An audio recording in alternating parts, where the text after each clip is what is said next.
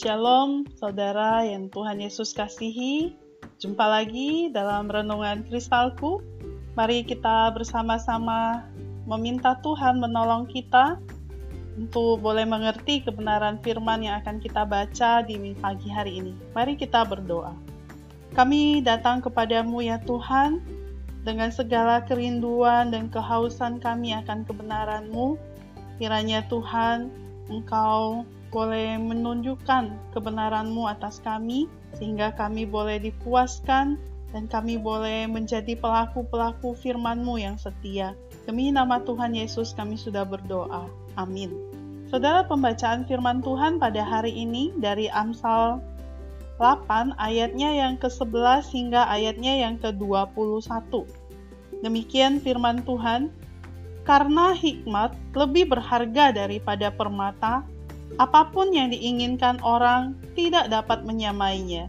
Aku, hikmat, tinggal bersama-sama dengan kecerdasan, dan aku mendapat pengetahuan dan kebijaksanaan. Takut akan Tuhan ialah membenci kejahatan.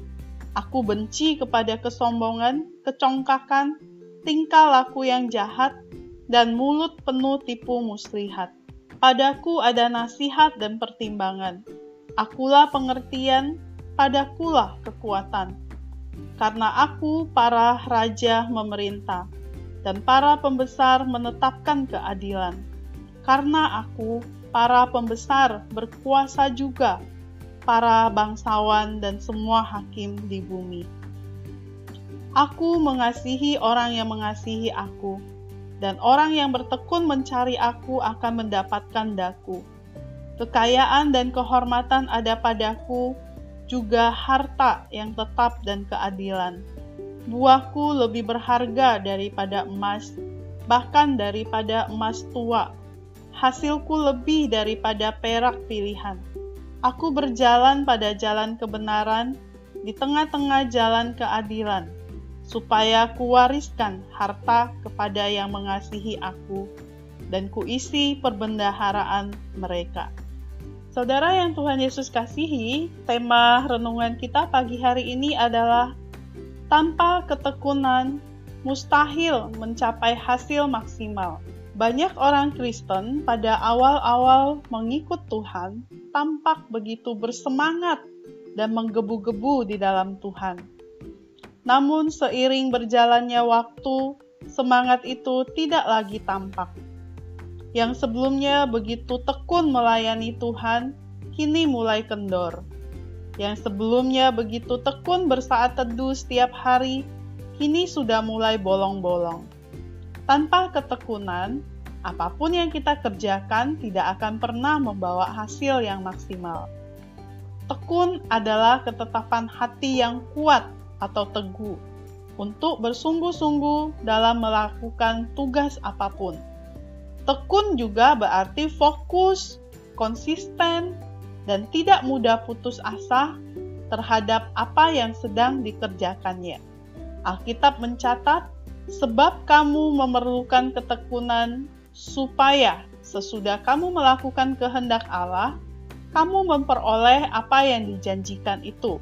Ibrani 10 ayat 36. Saudara, banyak orang Kristen yang sangat merindukan agar janji-janji Tuhan tergenapi dalam hidupnya. Namun, hal itu akan sulit terwujud, apalagi tidak disertai dengan ketekunan kita dalam melakukan kehendak Tuhan. Jadi, ketekunan adalah unsur terpenting dalam setiap keberhasilan, terlebih di era sekarang ini semua orang menginginkan segala sesuatu yang serba instan. Ingin cepat kaya, tapi tidak mau bekerja keras. Ingin berhasil, tetapi tidak mau berusaha.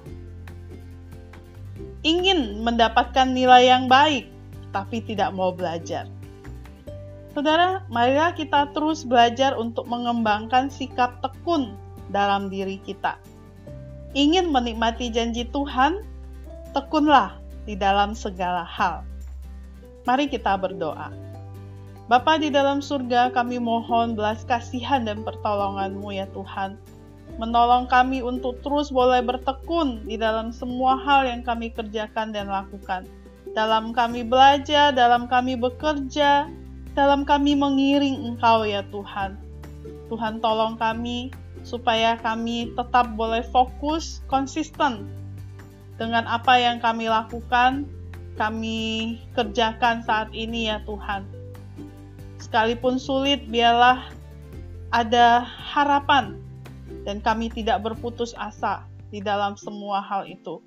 Melainkan kami terus boleh bertekun karena kami percaya bahwa dalam ketekunanlah kami akan menikmati hasil yang maksimal, kami akan menikmati janji Tuhan digenapi dalam hidup kami. Terima kasih Bapa di surga, demi nama Tuhan Yesus kami sudah berdoa. Amin.